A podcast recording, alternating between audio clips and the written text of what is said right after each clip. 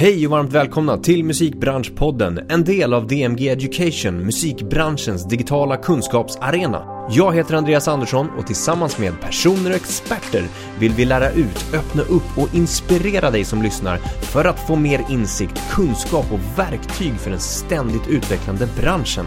Vill du vara med och påverka utvecklingen av framtidens musikbransch?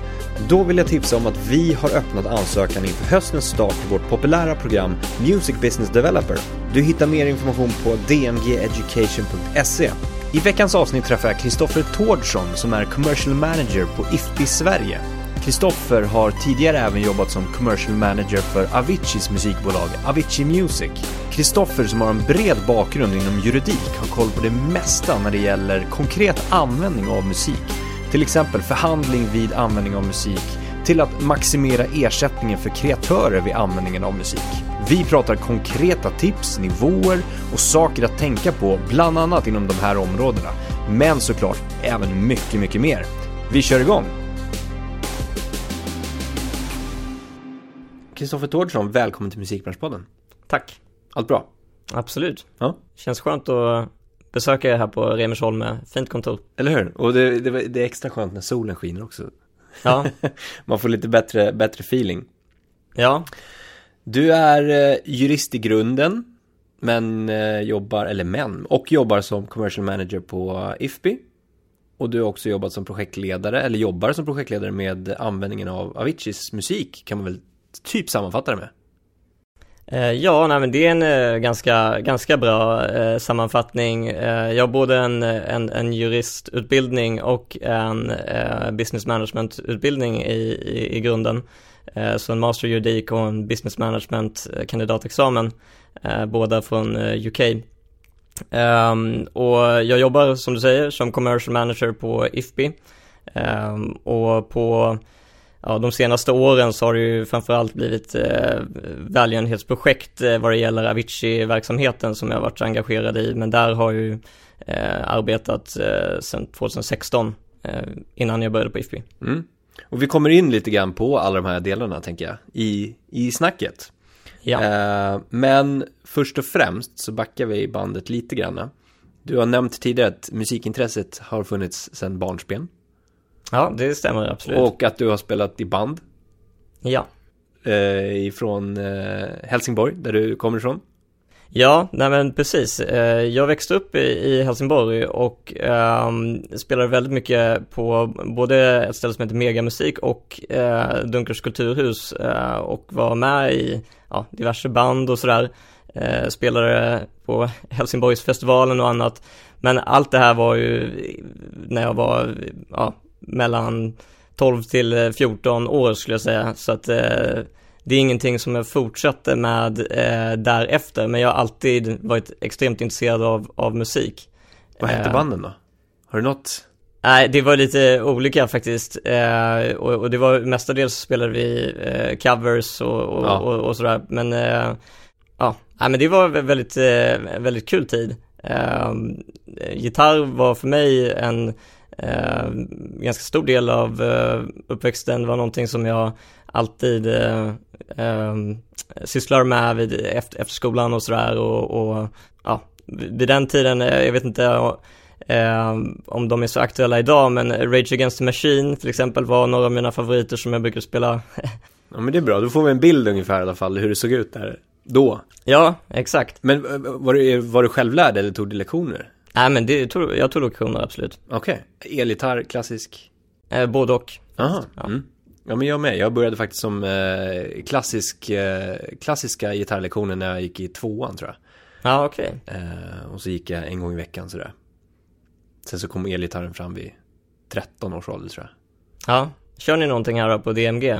Nej, vi har sagt det. Vi är väldigt dåliga på det. Att, att ha musikinstrument här. Eh, vi har sagt att vi måste köpa in bättre. Eh, så att vi kan köra. Vi har lovat våra studenter att vi ska framföra det någon gång. Ja, kul. Får vi se när det blir. Du nämnde också en, en master i juridik i eh, Edinburgh. Yes. Med fokus på intellektuella rättigheter, stämmer det? Ja, nej men eh, precis, så det var ju en, eh, en, en master i commercial law och mm. sen så fokuserade jag ganska mycket på eh, copyright och, och andra IP-rättigheter ehm, och var även engagerad eh, för eh, en akademiker där som skrev eh, böcker och sådär om copyright och hjälpte henne med research och, och annat. Och det var väl egentligen som en del av mitt musikintresse, att jag ville lära mig om, om, om, om copyright och juridik men jag vill också eh, kunna anknyta det till eh, musiken. Och det är väl lite det vi pratade här innan om att så här, juridik i den bemärkelsen för en kreatör till exempel som liksom hela musikbranschen är uppbyggd av eh, klingar oftast lite läskigt, lite, lite grått i vissa sammanhang. Hur skulle du rekommendera en kreatör att tänka för att få in den här businessaspekten i det, affärsaspekten eh, och förstå vikten av liksom rättigheterna? Jag tror att det är viktigare än någonsin nu att förstå rättigheterna. Eh, det har varit eh, lite av ett skifte från att man kanske låter skivbolaget göra allting, man signar en artistdeal till att eh, nu har man gått över mer till en eh, struktur där man kanske äger sina egna inspelningar, äger sina egna mastrar det vill säga, och licensierar ut det eh, eller på distribution då till ett skivbolag. Men det innebär ju också att man eh, själv behöver ta ett mycket större ansvar Eh, man måste stå för eh, inspelningskostnader, eh, man måste betala involverande, till exempel då om man har en producent, kanske man behöver betala både en, en flat fee och en och en eh, producent royalty och eh, om du har någon sidoartist på det här på den här inspelningen så måste du stå för det också så att jag tror att eh, det här skiftet från att eh, man har låtit ett skivbolag göra allting under en artiststil till att man nu har gått till en eh, licens eh, i många fall eh, har gjort det mycket viktigare att, att ha koll på grundläggande rättigheter. Mm. Ja men exakt och, och hur skulle man då kunna göra eller liksom den förståelsen är ju superviktig som du säger. Um, och hin- inhämta den här kunskapen går ju att göra på massa olika sätt. Det går ju att läsa till sig själv, det går ju att plugga, det går ju att liksom skaffa det genom, genom eh, erfarenhet. Men hur ska man veta vad man ska ta reda på så att säga? Du, du nämnde till exempel producent. Säg att jag är en artist och jag eh, ska spela in en eh, tio stycken låtar och sen så anlitar jag en producent. Hur, hur förstår man sig på att det ska vara en flat fee och en royalty sen? Och vad ska royaltyn vara? Var, var hittar man de här sakerna? Ja, nej, men allt det här det är ju sånt som man inte lär sig i en typisk eh, lärobok och man inte lär sig på en eh, master juridik till exempel, utan det här är ju någonting som man måste lära sig från hur branschen fungerar i den miljön som man befinner sig i, i det land eh, som man befinner sig i, det kan skilja sig ganska mycket mellan länder till exempel. Det bästa sättet egentligen är att eh, nätverka skulle jag säga och att eh, hämta in kunskap från flera olika källor. Mm. Så att man inte bara går på en källa. Mm. Jag tycker en, en ganska naturlig start skulle vara till exempel att lyssna på er podd. Eh, jag tyckte du nämnde att det här var 120 avsnitt 120 eh, och jag har ju sett vilka som har varit med eh, tidigare, eh, allt från VDs på, på majorbolag till, till Spotify eh, och, och, annat. Eh, så att eh, det finns en, och, och, även advokater som har uttalat sig om hur man gör olika dealar. Så att jag tror att att hämta den här typen av kunskap från en, en podd till exempel kan ge en väldigt bra inblick i hur det funkar på den lokala marknaden i Stockholm till exempel, eller i Sverige. Och sen så lär man ju sig av erfarenhet att eh, man får nog eh, trockla sig fram lite att eh, eh, man testar sig i början och, och, och, och ser funkar det här upplägget, vad, vad behöver vi justera? Eh, det är som du är inne på inte självklart eh, hur man ska göra upp med till exempel producenter eller eh, en vokalist om man nu själv inte är vokalist till exempel med Avicii-bolagen så, så är det jag sedan 2016 då som har suttit och gjort alla de här dealarna med eh, alla vokalister och, och, och, producenter och, och även låtskrivare, vad man ska ha för split på, på, på verket. Mm. Eh, Och alltså det lättaste brukar jag säga är att, är att komma överens om, om, om verket. För att där brukar eh, låtskrivarna vara ganska, ha en ganska eh, enhetlig inställning att eh, man, man, man, man splittar på verket eh, förutsatt då att man har gjort ungefär lika mycket. Eh, det, det, största krånglet med, med just verket är ju om man eh, har använt en sample eller om man har gjort en adaptation, det vill säga att man har använt ett, ett annat verk, även om man har gjort en re-record på det, då måste ju den här låtskrivaren av det som man har samplat eller gjort en adaptation på, då måste ju de in i det här verket också. Just det. Och det skulle jag se som det svåraste vad det gäller att göra upp dealar där, för att man har, vilket är väldigt bra, väldigt starka rättigheter ja. eh, som upphovsperson till ett verk. Men eh, man kan också, det kan också slå över till andra hållet för att man har också möjligheten att stoppa då det här nya verket och man kan nästan kräva vad man vill eh, som andel av det här nya verket. Så säg att du har eh, skrivit en låt med, med, med tre stycken eh, andra låtskrivare och, och, normalt sett hade ni väl splittat det 25% vardera då om ni är fyra stycken totalt. Eh, men sen så har ni samplat eh, någon känd låt och då kan de säga, ja men vi vill ha 70% av verket. Så att ni som har skrivit den här nya låten, ni får dela på 30% men eh, min låt är så känd och bra så att mm. eh, det verket är, är, så igenkännbart så att jag ska ha 70% och jag tycker att eh, det är min låt som, som gör er nya låt. Exakt. Så kan de argumentera och jag har varit i väldigt många eh, sådana där twister skulle man nästan kunna säga för att komma överens om då vad är en, en, en skälig split. Och jag har en go-to i, i, i London eh, som vi brukar kalla för musikprofessorn. Eh, Peter Oxendale igen, och han heter han och han har eh, världens bästa jobb. Han är en musikolog. Så att vad jag brukar göra i sådana fall är att jag skickar då den här eh, inspelningen till Peter Oxendale och sen så skickar jag den här referensen till det som har samplats eller eh, som har kopierats av verket. Och sen så eh, gör han bit för bit av det här verket en, en, en analys på exakt hur eh, likvärdiga de här två verken är och eh, även ritar upp det så att man får en objektiv bild. Mm. Eh, och då kan man ju argumentera att jo men objektivt sett så har vi bara kopierat si och så många procent. Mm. Så det är si och så många procent som vi kan erbjuda dig i det här fallet. Och annars kommer vi kanske inte släppa den eller eller något sånt skulle man kunna göra. Mm, Men mm. det är ett exempel på eh, en situation som, som kan uppstå i praktiken som eh, man inte läser sig till i, i någon lärobok utan då, då blir det att man måste faktiskt ringa upp förlaget eller managern eller vem det nu är som representerar eh, det här verket i det här fallet och, och, och göra upp med dem. Mm. Men och, och, den där som du nämnde att du skickar över den, den låtdelarna till den här Peter. Eh, ja. att, att det ligger till grund. Men sen så är det ju som du sa en, en någon slags bedömning av hur pass känt är det här, just det här stycket. Som jag kan tänka mig att liksom, ja absolut, procentuellt sett så ser det ut så här ur en objektiv vy.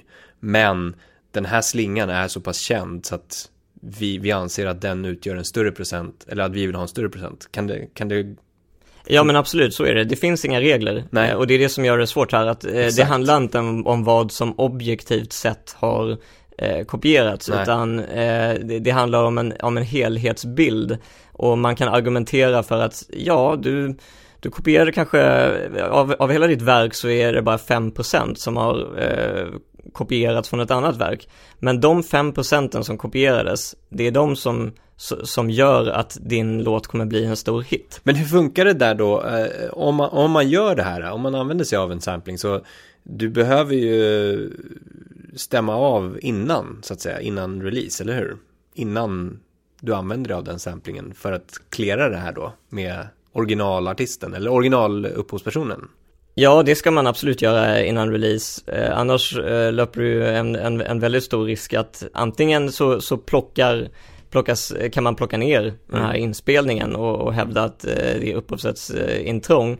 Eh, eller eh, så kan du ha en ganska fet eh, stämningsansökan mot dig, eller båda delarna för den delen. Så att eh, det beror naturligtvis på vilken situation man är, men när man hanterar en eh, världsartist som Tim Bergling, då, då vill man ju inte ta några onödiga risker just Exakt. i den delen. Och i de flesta fall så vill också de eh, samarbeta om, om, om, man har, om Tim har samplat någon så, så ville ju väldigt många låtskrivare också samarbeta, de ville bara ha en skälig ersättning. Mm. Men ibland så, så, så, så hamnar man i situationer när det var, kändes att det där är helt oskäligt, nu ska, nu ska de försöka äta upp hela andelen av verket. Ah, okay. och, och, man vill ju inte gärna, eh, det var ju en väldigt speciell situation då också, särskilt med, med albumet som släpptes som vi släppte efter Tim gick bort, det var ju extra speciell situation att där ville ju jag absolut inte gå in och, och, säga att nej men det här kan vi inte gå vidare med för att vi har inte kunnat komma överens med någon annan. Mm. Eh, det, det fanns ju inte på kartan att ändra i det kreativa så att säga. Mm. Så det var ju en extra speciell situation kanske. Mm. Men jag tror att oavsett eh, om man heter Avicii eller oavsett om man är en, en liten eller stor artist, när man väl har hittat den här samplingen eller eh, kopieringen av något annat verk, när man väl har hittat någonting som känns perfekt för inspelningen, då vill man väldigt ogärna eh, gå tillbaka och, och, och, testa någonting annat, utan man, man vill få det att funka. Mm, mm. Ja, det där är ju superintressant. Men, men skulle du säga att om man, är, om man inte är en sån världsartist som Avicii, utan man är en lite mindre lokal artist, men hittar den här samplingen, hur ska man gå tillväga då? Man hittar liksom kontaktuppgifter till, till eh, management eller eh, rättighetshavaren i det här fallet på originalverket som man vill sampla till exempel eller göra en, en, en, en om um, retake på. Hur, eh, hur ska man närma sig och, och liksom och få det här att hända? Ja, det första man måste göra är ju att utvärdera vad är, vad är, vad är det egentligen jag har kopierat? Har jag, mm. gjort, har jag kopierat en sample, det vill säga har jag eh, kopierat från någon annans inspelning och lagt in i min inspelning? Eh, eller har jag eh, bara kopierat från någon annans verk? Mm. För att eh, om du har kopierat eh, från någon annans inspelning, då kommer du behöva cleara både med den som äger mastern, den som äger inspelningen, vilket ofta representeras av ett, ett, ett skivbolag. Så du kommer behöva fråga relevant skivbolag, hej jag vill använda den här sampen i min nya låt, hur mycket vill ni ha eller jag erbjuder det här.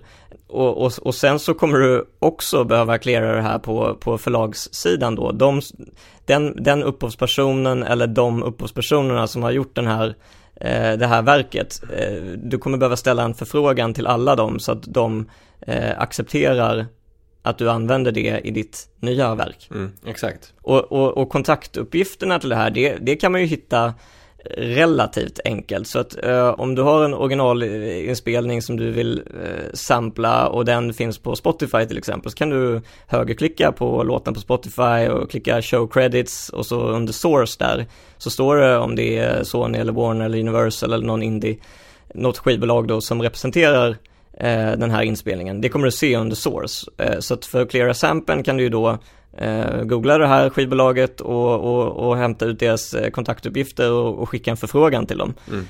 Och vad det gäller verket så eh, kan du till exempel gå in på acecap.com, eh, söka på det här verket så kommer du se eh, vilka då som, vilka låtskrivare som står bakom verket och eh, även vilka förlag som representerar de här låtskrivarna. Mm det är lite, alltså det kan, det kan ju bli att du måste kontakta, ja men kanske till och med, eh, alltså fem, sex, tio i vissa fall eh, olika aktörer här. Mm. Eh, det beror på hur många som varit involverade på den här delen som du har kopierat. Exakt. Det, men det går att hitta, det är det som är så intressant. En del Absolut. tror att det är ouppnåeligt att, att säga, men vadå, jag kan inte bara ta upp telefonen och ringa ett management och, och försöka få kontaktuppgifter, utan det är som du säger, det finns ju där ute nu. Men om vi, det vi pratade om det här med liksom mer oetablerade artister som ska få erfarenhet av det här. Alltså, vart ska man börja? Jag, jag, jag ska spela in tio låtar, jag tar in en producent, jag tar in en vokalist. Hur ska man eh, våga börja sätta liksom en, en nivå, en tariff eller vad man ska kalla det för på den här flatfin som vi kallar det eller, eller royaltyn. När man kanske är rädd att bli blåst eller rädd att ge bort för mycket eller rädd, liksom lite den känslan.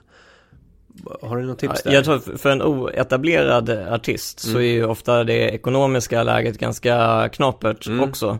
Och då kan jag tänka mig att man skulle kunna komma överens om en en uppgörelse som är baserad på rörlig royalty mm. snarare än att man måste betala massa upfront fees eh, i inspelningskostnader. Mm. Det är ju såklart upp till vilken producent man vill, vill involvera. Om du vill ha en välkänd eh, producent trots att du är en oetablerad artist, då kommer du få hosta upp en, en ganska ordentlig flat fee och du kommer troligen behöva betala den här producenten ett, eh, en producent royalty. Mm. Men eh, det går ju också att hitta aspirerande producenter och musiker som vill vara med eh, för ja, för, för att utvecklas själva. Mm. Och, och, jag kan tänka mig att en, en producent som går med på en sån basis skulle kunna gå med på en rörlig royalty till exempel. Och detsamma gäller om man ska ha en, en annan vokalist med på det. Mm. Att eh, man kanske inte ger något förskott, eh, utan man säger istället, ja men vi, vi, vi, vi kan splitta på eh, net artist royalty.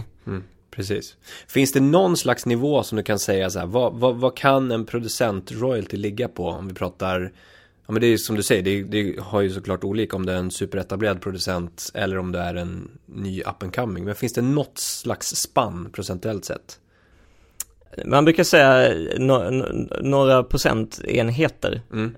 utav, utav, utav försäljningspriset. Alltså det skulle kanske kunna handla om, om två, tre, fyra om det är någon väldigt duktig. Mm. Eh, men, men, men i, i något sånt spann skulle jag säga att det handlar om. Men, i, men det beror på vad det är man räknar producent royaltyn på. Mm. Räknar man producent royaltyn på eh, försäljningspriset eller räknar du den som en andel av eh, din net artist royalty till exempel. Eh, så man måste ha lite koll på det också. Vad är det du ska få en andel av? Ja. Och det låter ju såklart betydligt mer om du föreslår en andel av din eh, net artist royalty. Mm. Och jag tror att många vokalister och producenter också går bort sig där för att de tycker att, ja men ska jag få 2% eh, det låter ju sjukt lite. Mm. Eh, och, och, och sådär, men, men, men om man skulle se det som en andel av net artist royalty till artistens eh, bolag som äger den här inspelningen så, så, mot, så är det inte 2% utan det motsvarar en mycket större andel. Precis. Eh, men det finns inget som är rätt eller fel här utan det är, det är verkligen en bedömning av eh, varje situation. Mm. Det är inte nödvändigt så att eh, man måste eh, ha en producent royalty heller och att man måste ha en flat fee. Utan det skulle mycket väl vara så att man, kunna, att man gör ett samarbete och, och producenten får en andel av eh, verket, till exempel splitta på verket och att, och att, och att den nöjer sig med det. Mm, mm. Men det är det här som är så viktigt, vi har sagt det massa gånger förut, alltså det finns inget rätt eller fel, utan det är alltid förhandlingsbart. Verkligen. Och bör titta på situation till situation kan jag tänka mig också. Ja, nej men så är det verkligen. Och sen så måste man ju tänka också, eh, vill jag ha ett långsiktigt, eh, en långsiktig relation med den här med den här kreatören, med den här producenten i det här fallet, vill jag att han eller hon ska fortsätta producera mina låtar, mm. då, då, då är det ju väldigt viktigt att göra den här personen nöjd också så att eh, den personen känner ett eget intresse av att vara med framöver. Exakt. Du, jag tänker vi, vi går in lite mer på IFPI. Du jobbar ju som eh, commercial manager där. IFPI som är eh, skivbolagens eller musikbolagens intresseorganisation, globala intresseorganisation. Till skillnad från STIM till exempel, som är olika organisationer i olika länder, fast har samarbeten. Så är ju IFPI samma inom citationstecken i varje land. Ja, nej men precis. IFPI finns eh, över hela världen på olika platser och vi i IFPI Sverige är eh, lite annorlunda än många IFB-kontor runt om i världen i det avseendet att vi är både en branschorganisation och ett så kallat Music Licensing Company, eh, en kollektiv förvaltningsorganisation. Och jag är commercial manager, jag är ansvarig för alla våra intäkter och eh, det som jag gör, om man ska ta en väldigt kort version, eh, så handlar det primärt om att eh, förhandla med tv och radioföretag hur mycket de ska betala till skivbolag och även artister eh, när de använder musik i sina radio eller tv-sändningar. Mm. Det är det största ansvarsområdet, men övergripande så, så, så, har vi ju intäkter även från annat än broadcasting. Och där handlar det om att liksom maximera intäkterna för eh, liksom artisterna och skivbolagens räkning kan man säga. Så är det absolut. Eh, mitt, mitt jobb är att maximera intäkterna till, till rättighetshavarna som, som vi företräder. Och eh, vad det gäller broadcastingområdet så har skivbolag och eh, artister enligt eh, upphovsrättslagen en eh, rätt till ersättning när tv och radioföretag överför musikinspelningar då till, till allmänheten. Mm. Och eh, det är ju den eh, basen som, som, som vi har när vi förhandlar med ja, TV4 och SVT och Sveriges Radio och reklamradion som Rix FM, Megapol och så vidare. Att eh, vi har upphovsrättslagen i, i ryggen. Mm. Och, och, i det här avseendet vad det gäller broadcasting så företräder eh, vi IFB Sverige då både skivbolag men även eh, artister, det vill säga Sami i de här eh, förhandlingarna.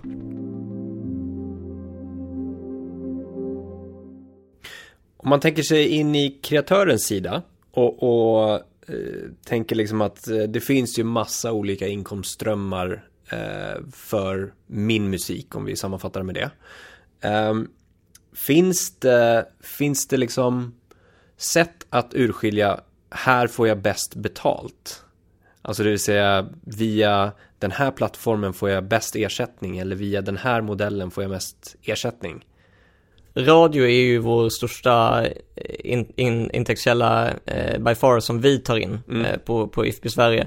Eh, offentligt framförande har ju har växt eh, väldigt mycket senaste åren och också eh, blivit en, en, en otroligt eh, viktig intäktskälla. Men för oss är det ju Sveriges Radio och reklamradio mm. som är de viktigaste licensieringsparterna. Så att säga. Mm. Eh, och det är klart, det finns eh, skillnader i eh, hur tarifferna ser ut och annat. Men det blir lite som att jämföra äpplen och päron också för att det, det är olika typer av musiknyttjande. Mm till exempel en, en artist, ju, man, man väljer ju inte gärna ett eller andra utan man vill ju vara i både och. Man vill synas i, i rutan och man vill höras i, i, i radion. Så att man vill ju vara på alla platser egentligen. Så jag som artist bör ju liksom förstå det också. Eh, nu är det återigen den här förståelsen för hur det funkar, men, men att det är där någonstans jag som artist ska pusha och kanske komma med förslag och komma med liksom en vision om att här, min musik skulle jag vilja spelas i det här sammanhanget till exempel. Jag tänker liksom idrottsgalan eller eh, som du säger i, i, reklamradio eller eh, vad det nu må vara. Eh. Ja, du får ju ta ett, eh, ett val som artist. Vill jag synas och vill jag vara med i, i promotion? Eh, det är ju ett, ett, ett samarbete som krävs mm. mellan artisten och skivbolaget skivbolaget kan ju inte göra särskilt mycket om artisten säger att nej, jag vill inte ställa upp på intervjuer, nej, jag vill inte göra promotion. Eh, då är man mer begränsad i möjligheterna, man är inte helt, alltså man kan ju fortfarande göra grejer, du kan ju fortfarande pusha musiken till radio och tv sådär, men eh, jag tror för ett Eh, om man vill maximera synligheten i dessa kanaler så måste man som artist vara beredd på att ställa upp i väldigt många olika aktiviteter. Mm. Um, och det är nödvändigtvis, alltså, det är väldigt sällan som man får betalt för den typen av aktiviteter. Mm. Till exempel, du kanske gör något, något, uh, något gig i morgonsoffan eller någonting och det, det, det, kommer inte vara att du får några stora pengar för att du gjort det här. Men däremot så kanske det innebär att din musik får en bättre spridning. Mm. Och om inte artisten vill vara med i, och samarbeta i promotionaktiviteter så blir det betydligt svårare för ett eh, skivbolag att, att hjälpa dig som artist.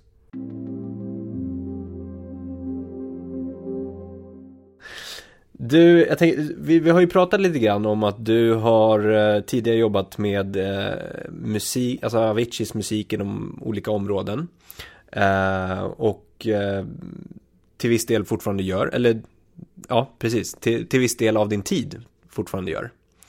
Um, men för, förklara, du, du har nämnt här att du, du jobbade med release, avtalsförhandlingar och rättighetsklarering av Aviciis musik i dokumentärfilm och spel till exempel. Ja, nej men det har ju blivit eh, från högt, högt och lågt eh, det arbetet som, som jag gjort för Avicii-bolagen och, och det var ju innan jag började för IFPI så jobbade jag heltid med eh, Avicii-bolagen. Jag företrädde då Tims eh, egna eh, musikbolag Avicii Music eh, AB och de aktiviteterna uh, som, som, som det involverade, uh, och det var ju både release av musik men uh, som du nämnde även release av spel, vi har så här, Avicii Invector heter det, Avicii Gravity. Just det. det är då både spel till Playstation och, och, och smartphone och sådär. Släppte även den här dokumentärfilmen Avicii True Stories. det var ju naturligtvis då Levan Sikurishvilis eh, film, han som regisserade den filmen, så att eh, den gjordes ju av honom helt oberoende. Men eh, i samband med eh, releasen så blev det ju ett, ett, ett väldigt stort samarbete såklart. Men det har varit eh, alltså högt och lågt och naturligtvis har det varit en extremt eh, turbulent period och eh, ett extremt eh, tragiskt eh, slut som Eh, som alla vet. Eh, så, så, att eh, jag har lärt mig väldigt, väldigt mycket. Det har varit som en, en, en, en rollercoaster skulle man kunna säga och jag, jag är otroligt tacksam för de möjligheterna som jag har fått genom att ha arbetat med eh, Tims musik och eh, Avicii-bolagen. Det har verkligen gett en otroligt eh, bra möjlighet att komma in i branschen och att eh, hantera intressanta projekt och, och, och, och, och sådär. Det som jag fortfarande är lite engagerad i vad det gäller eh, Avicii, eh, Tim Bergling är eh, välgörenhetsprojekt eh, kopplade till musiken.